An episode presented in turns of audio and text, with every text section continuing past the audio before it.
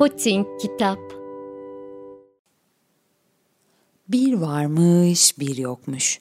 Bir zamanlar cimri mi cimri bir adam yaşarmış.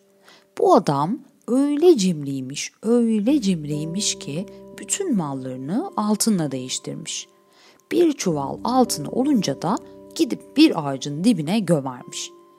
Gel gelelim bu cimri adamın aklı hep altınlarındaymış.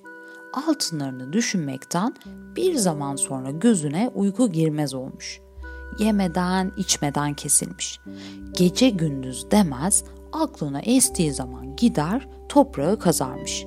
Sonra da altınlarını bir bir sayarmış. Rastlantı bu ya oradan geçen biri olanları uzaktan görmüş. Adam bu işin her gün tekrarlandığını anlayınca durumdan şüphelenmiş. Bu adam delinin biri diye düşünmüş.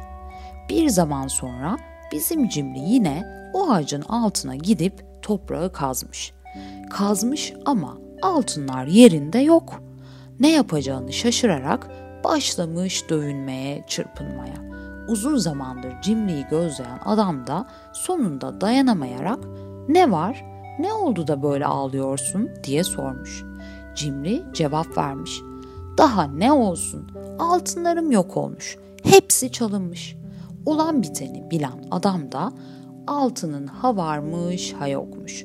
Harcayamadıktan sonra bir taş al, altın yerine onu göm. Senin için hiç fark etmez demiş. Gökten üç elma düşmüş. Biri masalı okuyanın başına, biri dinleyenin başına, biri de tüm cömert insanların başına.